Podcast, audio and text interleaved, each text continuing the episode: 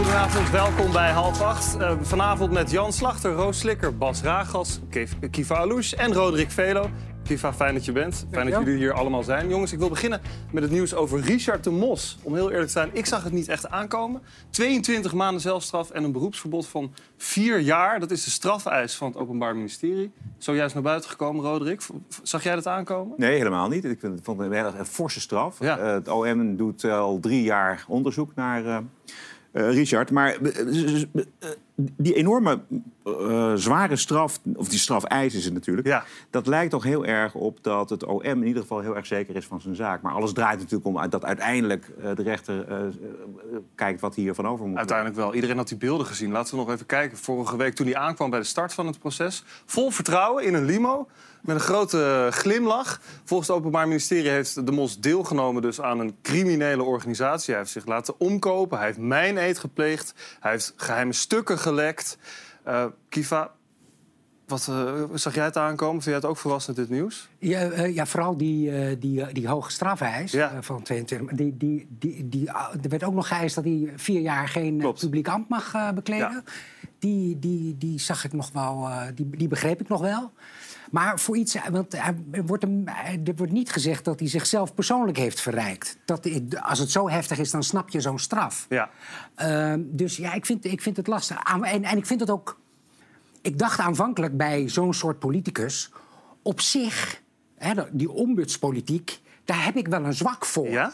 Ja, je leeft in een land waar je nooit iemand aan de telefoon krijgt. Bij, als jij een probleem hebt, dan ben je, kun je bij niemand terecht, toch? Een politicus nou die het gewoon voor je oplost als je dat opbelt. Je, dat je de wethouder belt en die je zegt... Hey, gast, uh, weet je, die buren die doen raar. Doe er eens wat aan. Die moet je alleen wel aan de wethouder natuurlijk.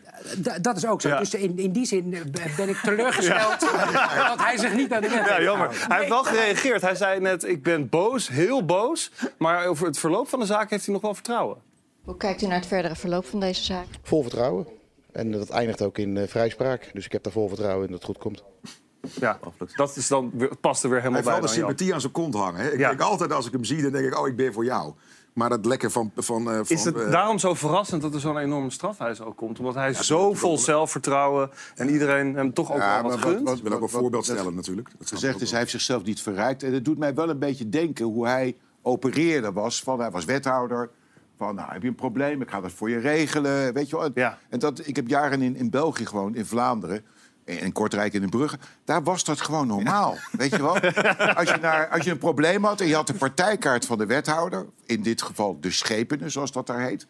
Ga ik voor je, die man hier toe, spreekuur en dan kon je met al je problemen.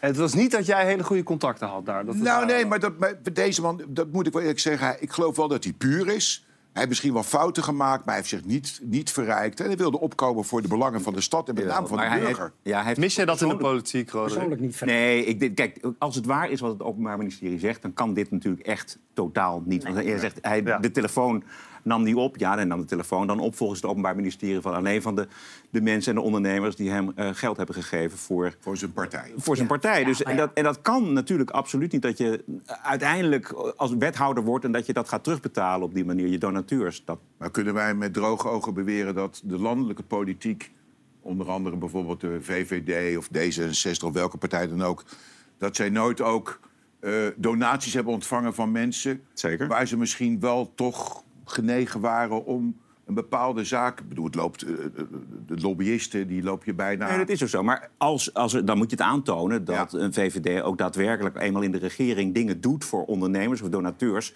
Ja, die, uh, die geld gegeven hebben. Er is natuurlijk wel een, een, verschil tussen lobbyisten en donateurs. Maar dat, ja, dat, weet ik wel, maar dat het, loopt, het loopt wel ja, wat wil je zeggen? Nou ja, het loopt wel naast elkaar, weet je wel. Ik bedoel, het feit dat de lobbyist ook opkomt voor belangen van een bedrijf. Ja. Uh, en, en, dat bedrijf heeft toevallig misschien net een donatie gedaan.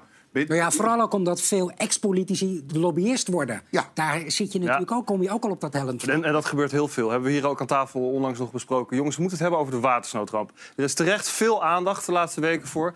En met name die persoonlijke verhalen, die komen echt binnen. Vandaag, 70 jaar na dato, wordt de ramp herdacht. En toen gingen we allemaal kopje onder. En toen hoorde ik de buurman roepen, die nam afscheid van zijn gezin. En ik zakte naar beneden en met hout en troep. En er viel iets zwaars op me. En ik kon niet meer terug naar boven. Op 1 februari 1953 breken in Zeeland, Zuid-Holland en Noord-Brabant de dijken door. Een ongekend zware storm leidt tot een van de grootste natuurrampen in de Nederlandse geschiedenis. De ramp kost aan 1836 mensen het leven. In totaal verdrinken er 187.000 dieren. Tienduizenden huizen en gebouwen worden verwoest. Vandaag wordt de ramp herdacht in Oude Tongen, het dorp waar de meeste slachtoffers vielen. En voor wie de ramp heeft meegemaakt, voelt het nog altijd als de dag van gisteren. De littekens zijn nog altijd voelbaar. Wat ik meemaakte met, met die ramp, voel ik nu weer gewoon in het hele lichaam. En dus hoor ik gewoon mijn vader in mijn oor. Niet mijn oud wezen, niet mijn oud wezen. Hoe diep zijn de littekens van de watersnoodramp? Ja, dat gaan we bespreken, mevrouw van der Linden. Fijn dat u er bent. U was negen jaar oud destijds, 70 jaar geleden. Ja. Vandaag was u ook bij die herdenking. Ja.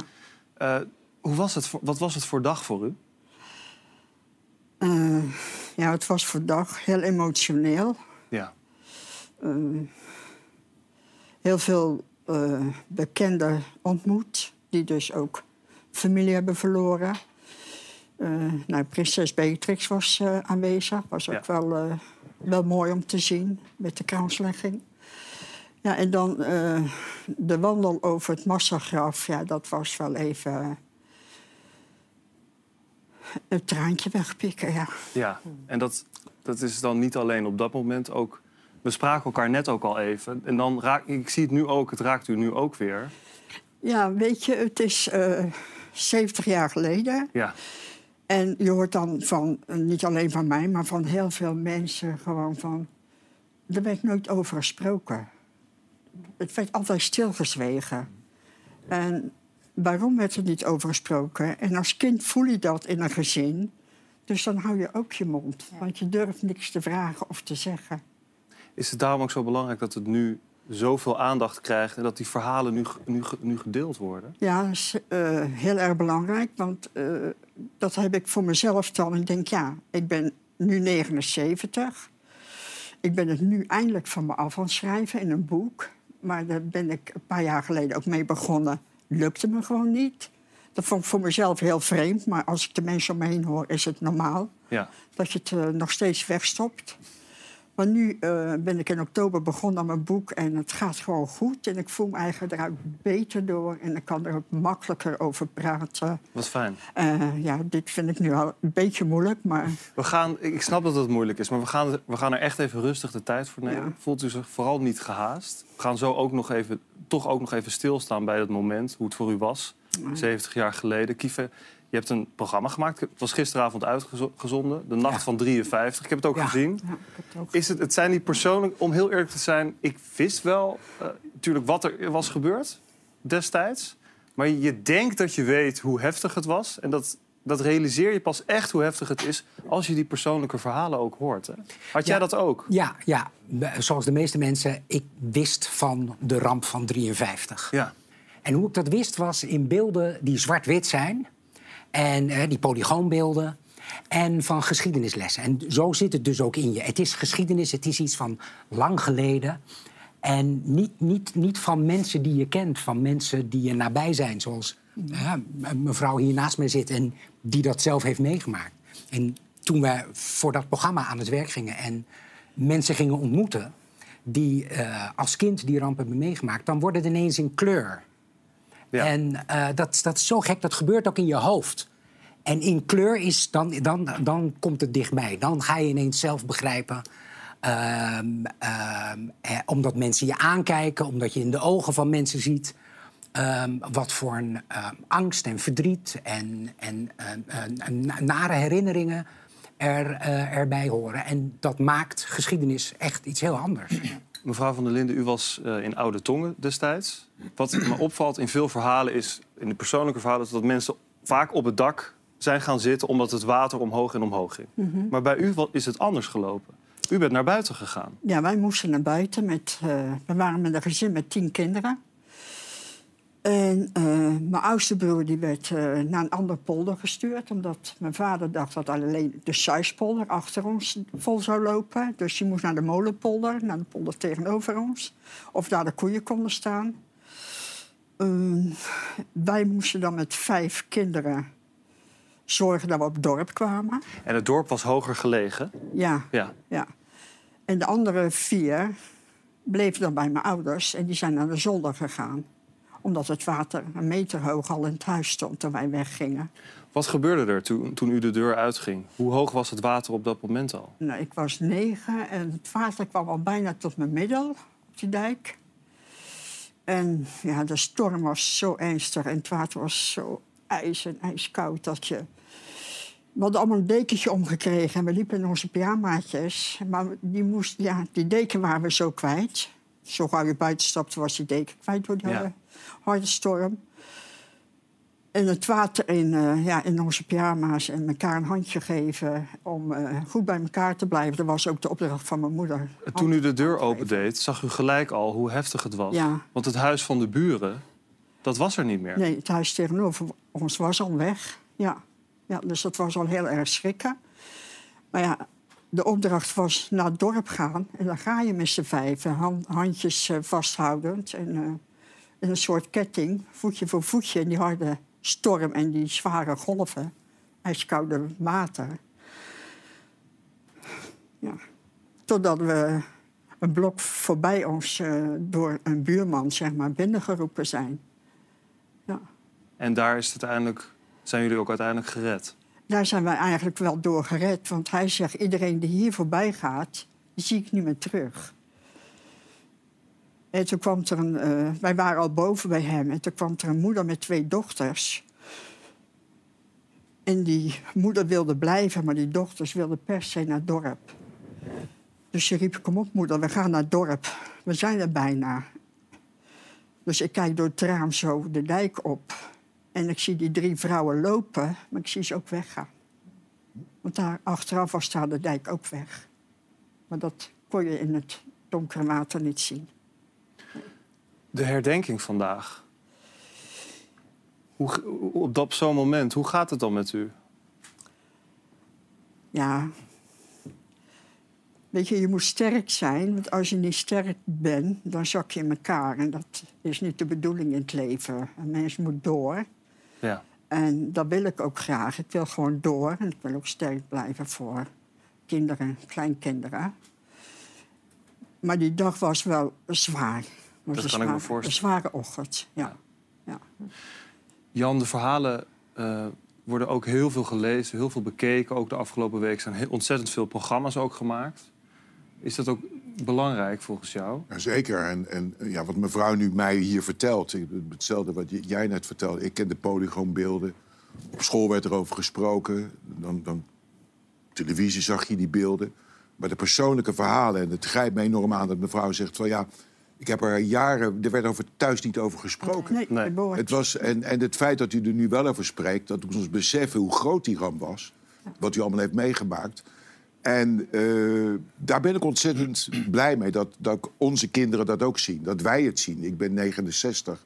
En ik, ik bijna moet ik zeggen. Uh, maar dat we dit nooit zo hebben beseft, komt omdat die persoonlijke verhalen. En, en de NTR heeft een prachtige uh, reeks gemaakt. Ik ben even de naam Het water komt. Het water komt. Fantastisch mooi. uh, ik vind ook dat de NWS nu met het journaal, na het journaal... ook weer gewoon... dan krijg je inzichtelijk van hoe die dagen, hoe, hoe dat zich heeft afgespeeld. En, en uh, het, ja, het is, dit mogen we nooit vergeten. En ik vind het heel moedig dat u dit verhaal heeft verteld. En, dat vind ik echt enorm prijzen dat u dit hier durft te doen. Ja, dank je. Uiteindelijk heeft u, heeft u het gered. Veel van uw broers en zussen ook, uw ouders ook, maar uw broer niet. Nee, mijn broer, die dus naar de, de oudste broer die naar de molenpolder moest. Eigenlijk moest mijn oudste zus, maar toen zegt mijn broer, ik ga wel. En uh, die is wel in de molenpolder gekomen bij die oom. Maar die hebben we dus niet meer teruggezien. Nee. Hij schijnt wel nog bij... Hij schijnt niet, het is zo. Hij is wel langs ons huis gekomen. Zien we hier een foto van uw broer ook? Is het ja, die rechtse. Rechtsgrote ja. jongen. Ja. Ja, hij is wel langs ons huis gekomen. En ik denk dat die dijk dus nog niet weggeslagen was. Want hij is bij de, bij de molenaar naar, boven, naar binnen gegaan. Dat uh, was een gezin met drie kinderen. En daar is hij boven in huis terechtgekomen. En op een gegeven moment... Uh, toen het licht werd, wat lichter werd, toen uh, zegt hij, wilde hij de deur naar het platdak open doen. Want er was dan aan het huis een bijkeuken gebouwd met een mhm. platdak.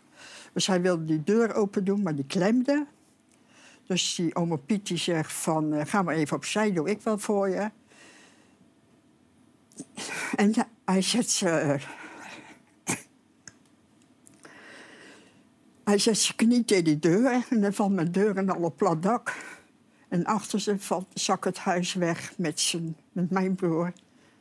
Zijn, zijn zus, want zijn vrouw was in Brabant, zijn zus en zijn drie kinderen. Dus die oma Piet is wel gered na twee dagen. We hadden ze hem gevonden, maar de rest was weg. Ja. ja. ja. Bij ons was de ramp uh, wel een onderwerp. Mijn moeder was 16 toen de ramp gebeurde. Zij woonde in uh, Middelharnis op Goeree Overflakkee. Ja. En met haar zus en, twee, en een broertje en natuurlijk haar ouders. En uh, in Middelharnis duurde het een tijdje, die zondag, voordat het water kwam. En zij is nog uh, op pad gestuurd om brood te halen. De bakkerij was bezig. En op de terugweg kwam het water. En eh, ja, kwam het water ook in haar kaplaarzen terecht. En uh, heeft ze gerend naar huis. En de mensen die uit de ramen riepen van... Uh, Liesje haalt het nog wel. En dat heeft ze inderdaad gehaald. Ehm, en toen hebben ze op het dak gezeten. en gewacht tot de, de redding kwam. Ja. Dus ja, bij ons was het wel echt wel altijd een, een onderwerp van gesprek de ramp? bij ons thuis niet. Bij u, thuis niet. Mevrouw van der Linden, ik vind het heel knap hoe u erover vertelt. We hebben nog een foto die ik graag wil laten zien van uw gezin. In kleur, dus dat is niet heel lang, heel lang geleden. Maar het laat ook zien dat het u heeft geïnspireerd uiteindelijk om mensen te helpen. Kunt u dat uitleggen? Ja, weet je, als je zoiets meemaakt als kind, dan. je gaat uh, ja, hoe moet dat zeggen? Je wordt ouder en ouder, maar dat blijft dus altijd bij je. En dan heb je zoiets van, ja, uh, kinderen helpen in een moeilijke situatie...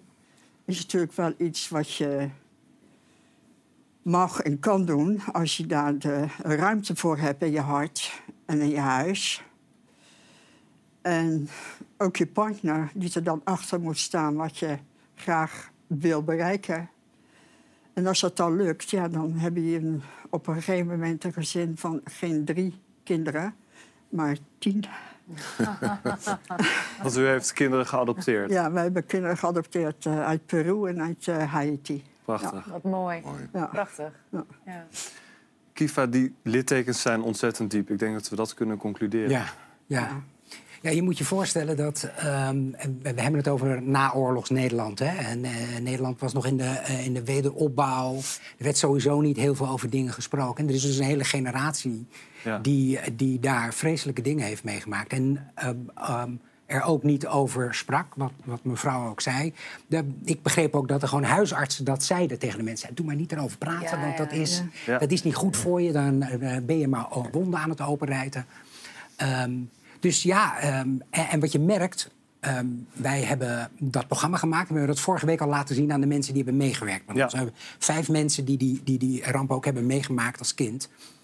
En dat was eigenlijk het spannendste. Normaal ben je gespannen voor de uitzending, maar wij waren nu gespannen van... oh, die mensen gaan het voor het eerst Dat is nog veel spannender eigenlijk. Veel spannender, omdat je weet... wij hebben met computeranimaties water nagemaakt... dat door die, door die dorpen stroomde. Hè, om te laten zien hoe dat er toen uitzag toen, dan toen zag je het voor het eerst in kleur. En nou, ik zag die mensen ook, die, die keken allemaal zo met die handen half voor hun gezicht van... Oh ja, oh ja, zo was het. Ja. En je merkt nog steeds dat tot op de dag van vandaag uh, leven ze het mee. Een van die mensen die in het programma zit, Willy, die heeft nog steeds een, een noodpakket. Ja, vertelde ze, ja. Wat ze al 70 jaar met zich meesleept. Met uh, twee schone onderbroeken, een handdoek, uh, bijl, een bijl, een uh, zaklamp, dekens, ja. lucifers. Altijd bij zich. Ja, Je weet maar nooit. Ze zeggen ook, ik, ik, vertrouw geen dijk, ik vertrouw geen sluis. als het stormt, dan ga ik beneden op de bank liggen met de lichten aan. Oh ja. Is dat herkenbaar voor u? Nou, ik ga niet op de bank liggen, maar ik ben wel wakker. Ja. Mevrouw van der Linden, wel eng. dank u wel voor uw verhaal. Oké. En heel fijn dat u dat wilde vertellen, hoe moeilijk het ook voor u is. En u bent een van, de een van de mensen die het verhaal vertelt... zodat we ook niet vergeten wat er is gebeurd. Okay. Dank u wel. Goed gedaan. Dank je. Bedankt. Een ander onderwerp. Er moeten meer vrouwen in de top van het bedrijfsleven. En dus houdt de Sociaal-Economische Raad 5000 bedrijven in de gaten als het gaat om de man-vrouw verhouding. Eén op de drie moet vrouw zijn in topposities. Dat is een wet die sinds vorig jaar van kracht is. Bedrijven worden zo verplicht om actie te ondernemen. De Sociaal-Economische Raad legt het uit. De Raad van Commissarissen moet voor tenminste een derde uit vrouwen en tenminste een derde uit mannen bestaan.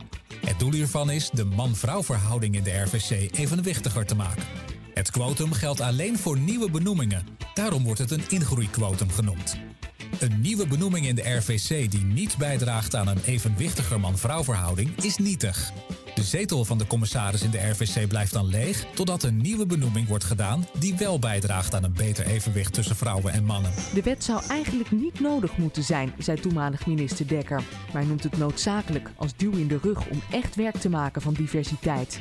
En ook minister van Buitenlandse Zaken Bobke Hoekstra is nu voorstander van een vrouwenquotum. Heeft het vrouwenquotum in het bedrijfsleven wel zin? Als wij een vrouwenquotum hadden hier aan tafel, dan hadden we dat niet gered. Gaat supergoed. Maar ik ben wel heel blij dat je er bent, Roos. Ja, nee, ik doe mijn best. Ja. Ik vind het wel heel leuk om met vijf mannen nu te gaan discussiëren over het vrouwenquotum. Ja. We gaan vooral heel goed naar jou luisteren, Roos.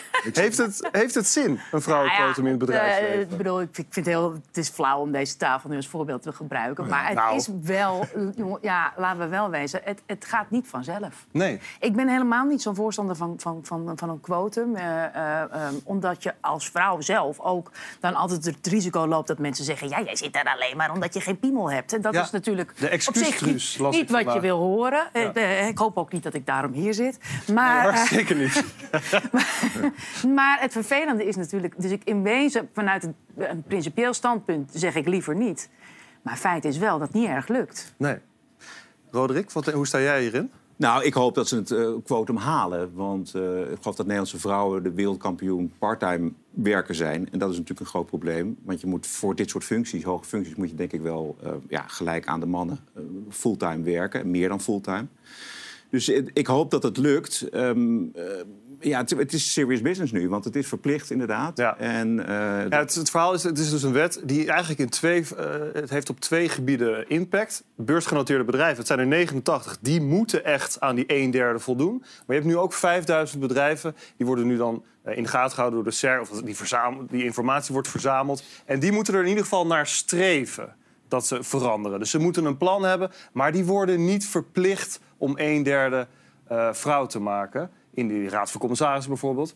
Bas, wat vind jij daarvan als het een streven is voor nou, de bedrijven? streven is sowieso goed. Ja. Uh, en gaat het dan ook werken? Maar ik denk ook een goed punt, ja, voor dat soort topfuncties. Ik heb best wel heel veel vrienden die, zitten, die, die werken in, in topfuncties in het bedrijfsleven. En daar ben ik de, de rare clown tussen. Maar, uh, ja. En dan vraag ik daar ook naar. Dan zeggen ze, ja, om heel eerlijk te zijn, dat is best wel heel ingewikkeld om dit soort functies te doen als je dat fulltime wil doen. Uh, daarbij is ook wel de vraag: is dat dan zo belangrijk? Als je kijkt naar de rechtspraak, daar is eh, de meerderheid is vrouw. Meerderheid van rechters is vrouw. Meerderheid van officieren van justitie is vrouw. Ja. Het onderwijs, onze kinderen worden voor 80% opgevoed in de klas door vrouwen. Uh, dus ja, misschien zijn er sommige functies meer geschikt voor vrouwen dan mannen. Maar zeg je en dat ik vind niet dat het daardoor moet, hè, voor alle duidelijkheid. Ik vind dat, dat wij gelukkig in een land leven waar iedereen zelf kan kiezen welke functie die wil. Ja? Maar je moet ook wel iets loslaten en denken, wat is dan de natuurlijke flow? En Roos, zou dat kunnen? Dat de top van het bedrijfsleven dat het misschien iets minder past bij vrouwen? Dat is eigenlijk wat ik nu uit Bas' verhaal nou, haal. Ja, Sorry, dan moet ik een beetje vanwege ja. vanwege de fulltime... Ah, vanwege de fulltime... Oké, okay, niet, niet vanwege de Oh, inhoud, ja. maar vanwege Ah, de fulltime werk. commissaris Nee, maar dat is maakt wel uit. baan, hè? Commissaris, Kijk, commissaris hoef je niet fulltime voor te Ja. werken. Dus dat, dat, dat gaat al niet op. Ik denk ook dat we niet... Ik, weet, ik ben het wel met, met je eens, hoor. Dat, dat, dat deeltijd eh, werken is natuurlijk voor bepaalde functies gewoon een probleem. En die kun je niet in drie dagen doen. En er werken veel meer vrouwen in deeltijd dan mannen. Dat is in Nederland eh, helemaal natuurlijk. Daar zijn we super goed in. Ehm, maar ik denk ook dat we niet helemaal de rol van het All Boys Network moeten uitvlakken. want en het is ook overigens, hè, dat, dat is geen aanklacht.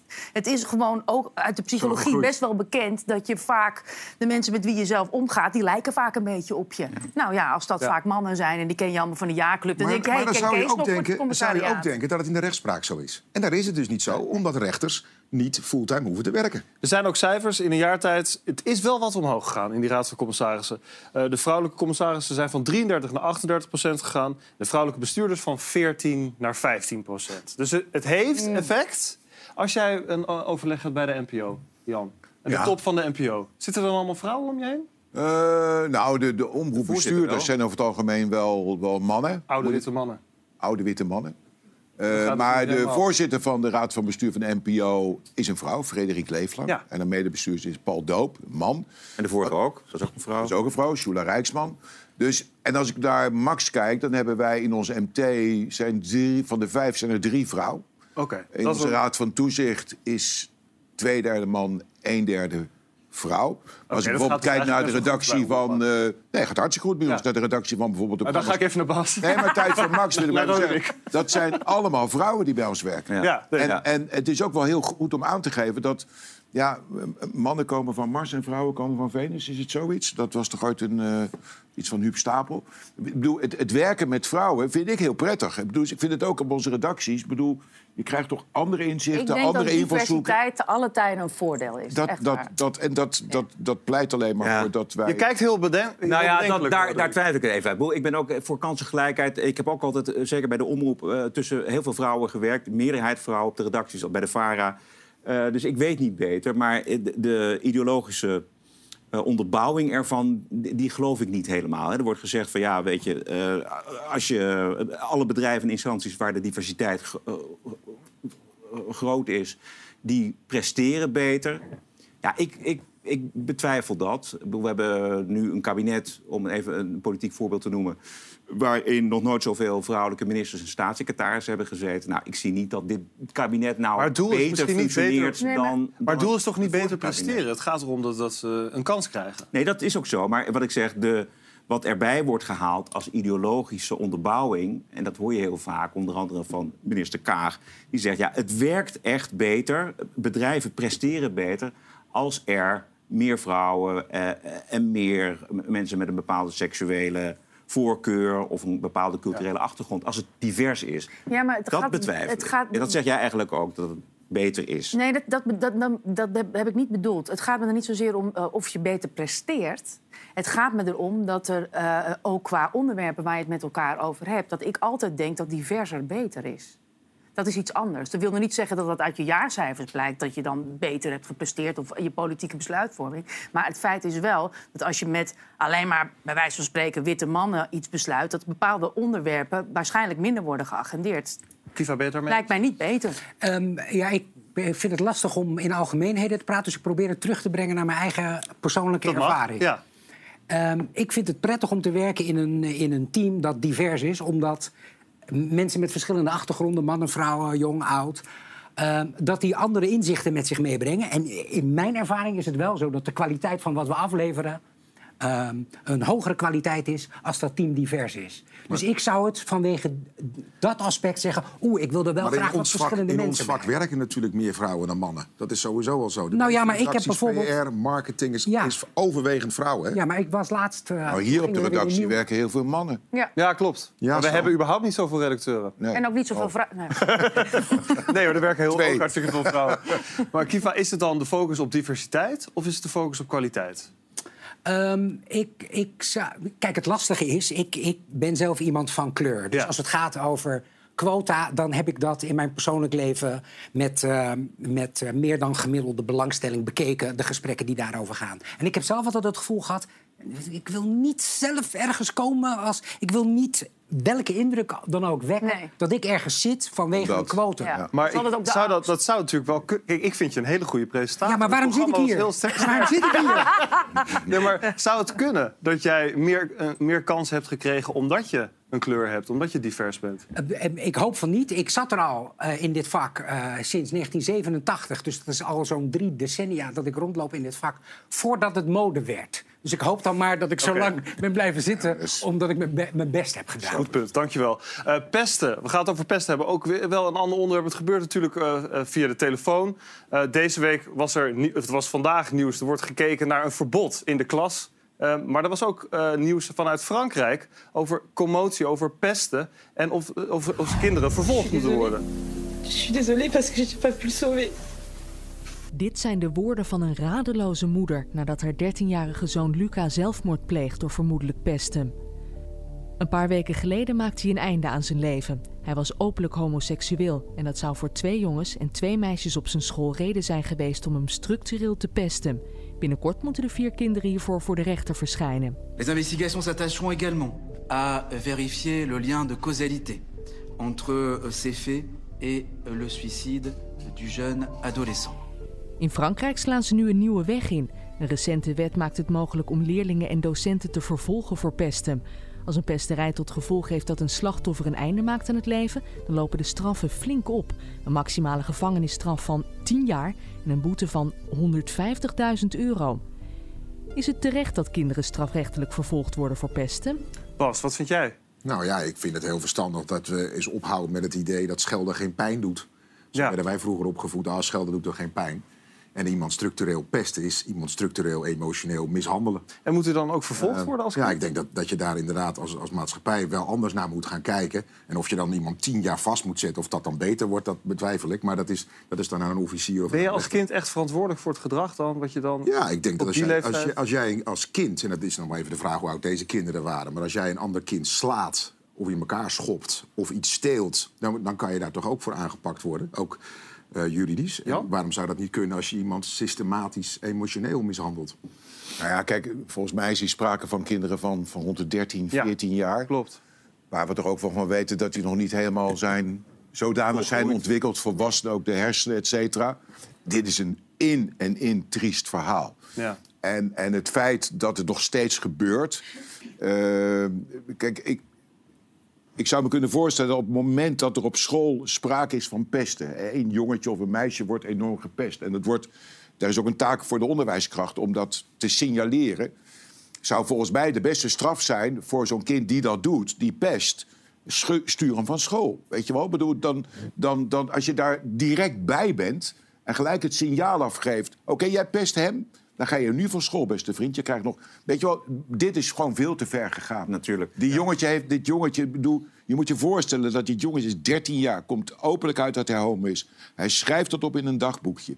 En berooft zich van het leven. Dat, daar heeft hij niet één nacht over nagedacht. Dit is structureel verkeerd gegaan. Natuurlijk.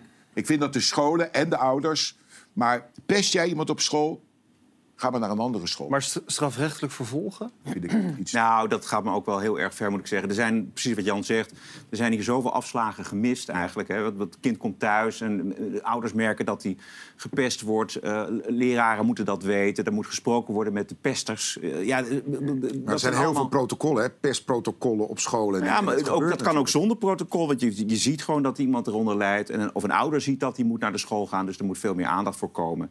En dit is eigenlijk, ja, wat weet een kind van 13 van een strafmaat en gaat hij het dan niet doen? Ik weet het niet. Kinderen zijn meedogenloos. Marina aan de bar, uh, u bent uh, opvoeddeskundige. Ja. Um, hebben kinderen door, jongeren van die leeftijd, 13 jaar oud, hebben zij door wat ze aanrichten met pesten? Nou, dat, dat, dat ligt. Um wat apart. Aan de ene kant hebben ze heel goed door dat als ze iemand uh, pesten, dat daar, uh, dat daar reactie op komt. En dat zien ze ook. Aan de andere kant hebben ze absoluut niet in de gaten wat de lange termijn gevolgen gaan worden. Ik zeg wat dat betreft wel eens. Uh, pubers hebben een lange termijn planning tot de volgende pauze. en dat gaat dus niet over, uh, over Hele jaren door. Dus ja. heel, heel korte termijn. Ja. En dat is de reden waarom wij daar als volwassenen zeker als het om pesten gaat, dat we daar heel dicht op moeten gaan staan.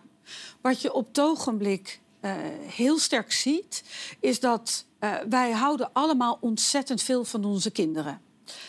En wij kunnen ons haast niet voorstellen dat ons kind de rotte appel in de mand is. Op het moment dat wij daarop aangesproken worden, gaan wij ons kuiken, gaan wij verdedigen. En zijn we eigenlijk niet meer bereikbaar om hier uh, samen met het onderwijs, samen met de hulpverlening iets aan te doen. En daar is denk ik een van de, uh, het meeste te winnen als het gaat om pesten. Dat we als ouders ons allemaal realiseren dat onze kinderen waar we van houden, dat ze ook vervelend gedrag hebben. Ja. Waar we met elkaar omheen moeten gaan staan en moeten zorgen dat dat stopt. Is het terecht dat kinderen strafrechtelijk vervolgd worden daar in Frankrijk? Dit gaat niet werken. Nee? Op het moment dat jij kinderen strafrechtelijk gaat vervolgen, uh, een boete. Waar, waar, gaan ze dat geld vandaan halen? Dat betekent dat ouders dat moeten gaan ophoesten en dat er bijvoorbeeld een armoedeval komt komen ze, uh, komen ze volledig in, in, in andere circuits terecht waar je ze zeker niet wil hebben. Dus het, uh, het strafrechtelijk vervolgen. Ik kan mij voorstellen dat als jouw kind gepest wordt en als jij dat verdriet en de frustraties en de ellende ziet, dat je denkt aanpakken en uh, hoogste boom, het, het, dan wil je gerechtigheid. Ja. Maar als je gaat kijken naar de lange termijn, wat wij als volwassenen wel kunnen, dan gaat uh, begeleiden en therapie gaat wel helpen, maar uh, strafrechtelijk vervolgen niet. Roos, maak jij je zorgen om je kinderen? Oh, en als het gaat om pesten op de middelbare school, is dat iets waar je veel mee bezig bent? Nee, niet zo. Omdat ze het in sociaal opzicht uh, heel erg naar hun zin hebben ja. op school. Uh, dus, dus speelt het niet. Maar wat ik ook wel, wat wel ingewikkeld ook soms is met pesten, is natuurlijk dat je soms ook, dat heb ik met mijn kinderen ook wel eens meegemaakt, hè, dat het niet klikt met iemand uit de klas en dat wordt de hele tijd ruzie onderling. En dan zegt de een zegt hij pest mij en de ander zegt ja, maar hij ging bij mij.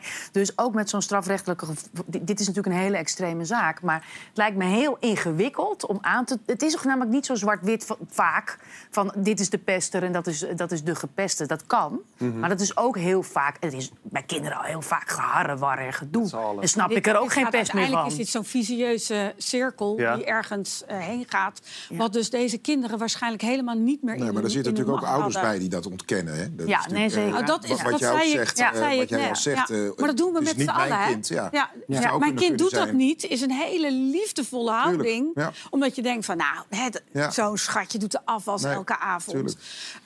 Maar de...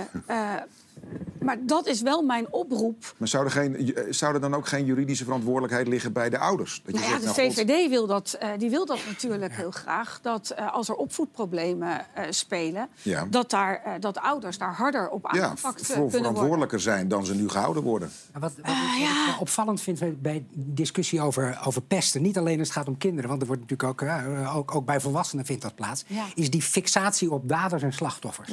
Terwijl pesten wordt vooral mogelijk gemaakt door alle anderen. Ja. Die dat toestaan, die ja. niet optreden, die niet erbij.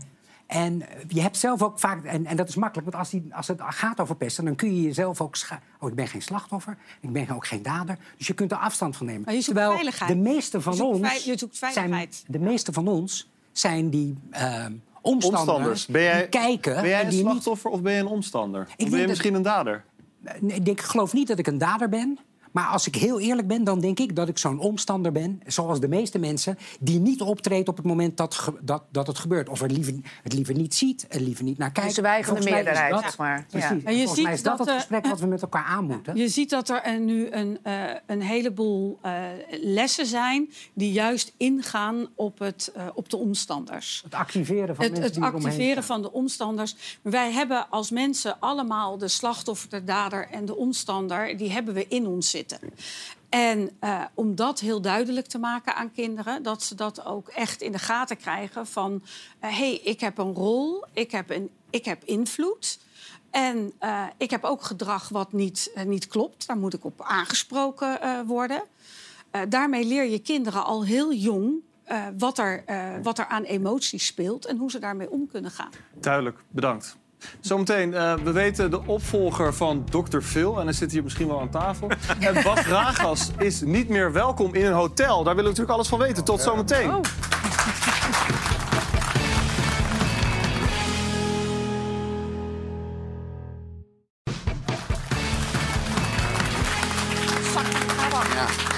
Welkom terug bij half acht. Meer dan 100 horeca-ondernemers in zeven steden mogen weer een zwarte lijst bij gaan houden. Wie zich misdraagt en bijvoorbeeld een vuurwapen meeneemt of drugs verkoopt in een café of nachtclub, kan zo aan de deur geweigerd worden. We hebben hier Bas Ragas. Je stond eventjes op onze zwarte lijst, maar je bent er gelukkig weer.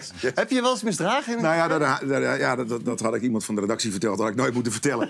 maar nee, want hij vroeg mij van, ja, wat vind jij daar nou van? Wat vind je ervan? Nou, en ik vind het heel goed. Ik denk, het is je eigen huis als café of restauranthouder. En als daar iemand naar binnen komt die zich niet kan misdragen... ja, die hoeft er dan eventjes niet meer in. Ik vind het heel goed. Stadion verboden heeft ook gewerkt, volgens Logisch. mij.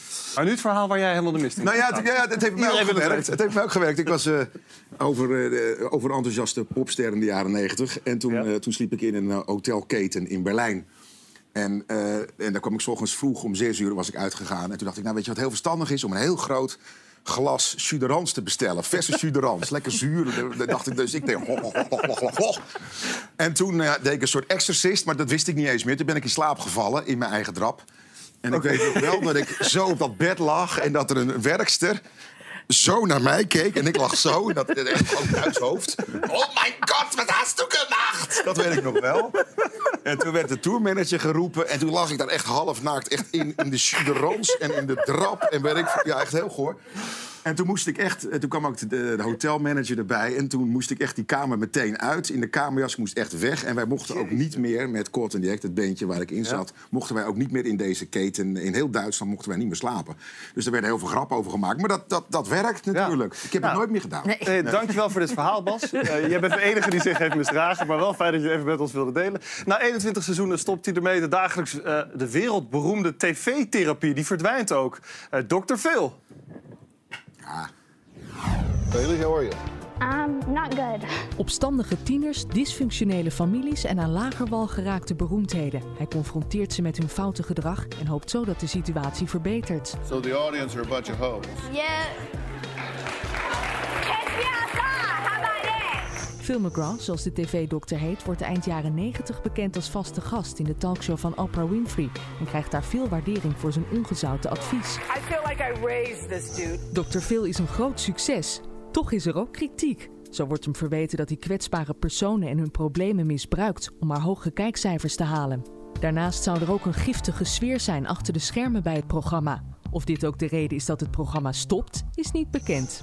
Phil geeft zelf aan dat het een ongelooflijk hoofdstuk was uit zijn leven, maar ook dat er meer is dat hij wil doen. Wat maakt Dr. Phil een tv-fenomeen? Ja, we hebben een tafel vol fans. Kiva, heb jij gekeken? ja, groot fan. Uh, ik heb het wel eens gezien, maar ik moet zeggen dat ik niet echt tranen zal laten nu het stopt. Nee? Nee. Dit is een entertainer. Wel echt een fenomeen, toch? Ja, ja, ja, ja zeker een fenomeen. Ja. En hij verstaat het vak van entertainen. Maar er staat wel dokter. En uh, hij doet alsof hij mensen helpt.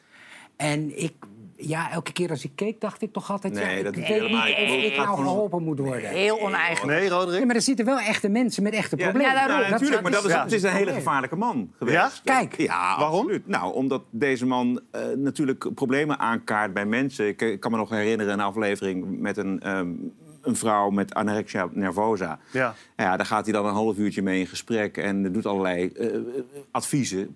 Eh, nou ja, dat is levensgevaarlijk. We hebben daar ook beeld van.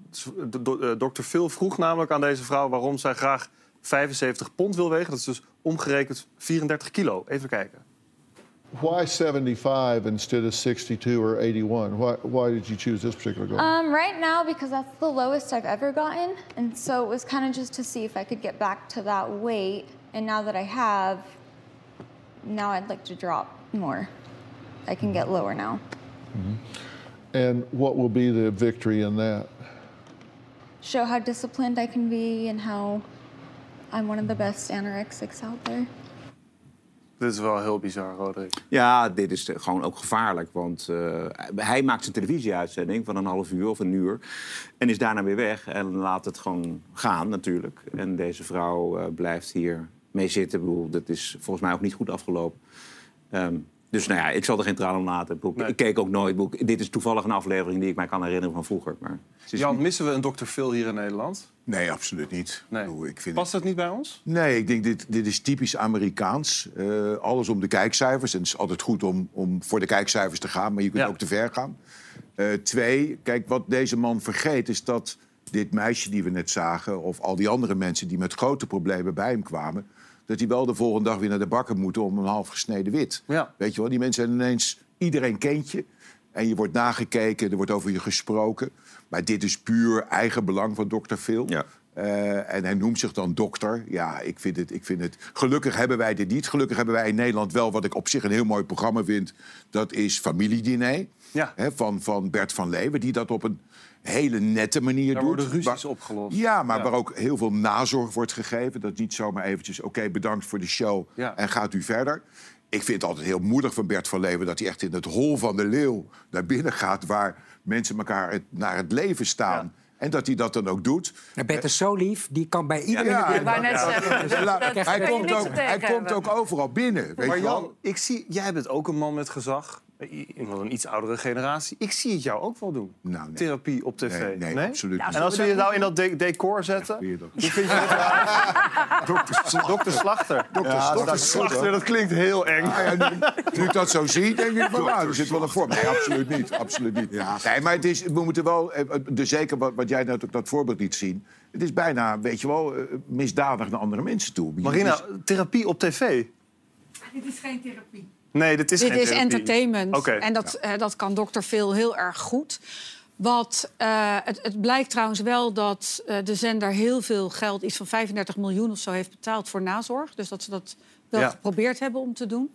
Wat, wat ik zijn verdienste vind, is dat hij het open heeft gegooid dat er momenten in je leven kunnen zijn dat het gewoon niet lekker met je gaat. En dat je dan hulp kunt zoeken. Maar mijn advies zou niet zijn om, eh, om dat eh, op welke tv-zender dan ook eh, te doen. Nee. Alleen al vanwege dat halfje, halfje wit. Het is geprobeerd door wie is het geprobeerd? Nou, toen het, toen het zo heel erg populair was en heel erg... Ik, ik heb een leven achter de schermen bij allerlei producenten gehad. En ik heb bij heel veel discussies gezeten en brainstormgroepen... waarin er nagedacht werd over kunnen we zoiets in Nederland ook doen. De EO heeft dat eh ik gehad, heb een het gedaan. programma. Ik heb het gedaan. Bas. Ja, Zo samen zijn we niet getrouwd bij de EO. Ja. En dat was, dat was echt vol met goede intenties en met goede therapeuten. Ja? Maar eh, het eindresultaat, ja, dat werkt dus niet. Nee, dat werkt gewoon dat niet. werkt niet. Nee. Om toch nog even met een goed gevoel te eindigen. We hebben nog eh, gezocht naar die vrouw die we net zagen. Die bij Dr. Phil aanschoof vanwege anorexia. En dat is inmiddels de 28-jarige Jordan. Eh, en dit is hoe het nu met haar gaat. Oh, wauw. No. But this is me now. Ja. Dankzij Dr. Phil of, Nou, ik ondanks, denk- of ondanks? Ik- Ondanks. Ik denk niet dankzij Dankzij de nazorg, ja. Maar de nazorg heeft in ieder geval eh, goed gewerkt. Ik wil al mijn gasten bedanken. Fijn dat jullie er weer waren. Morgen ben ik er weer en dan zit hier ook eh Helene van Rooyen bij mij aan tafel. Fijne avond.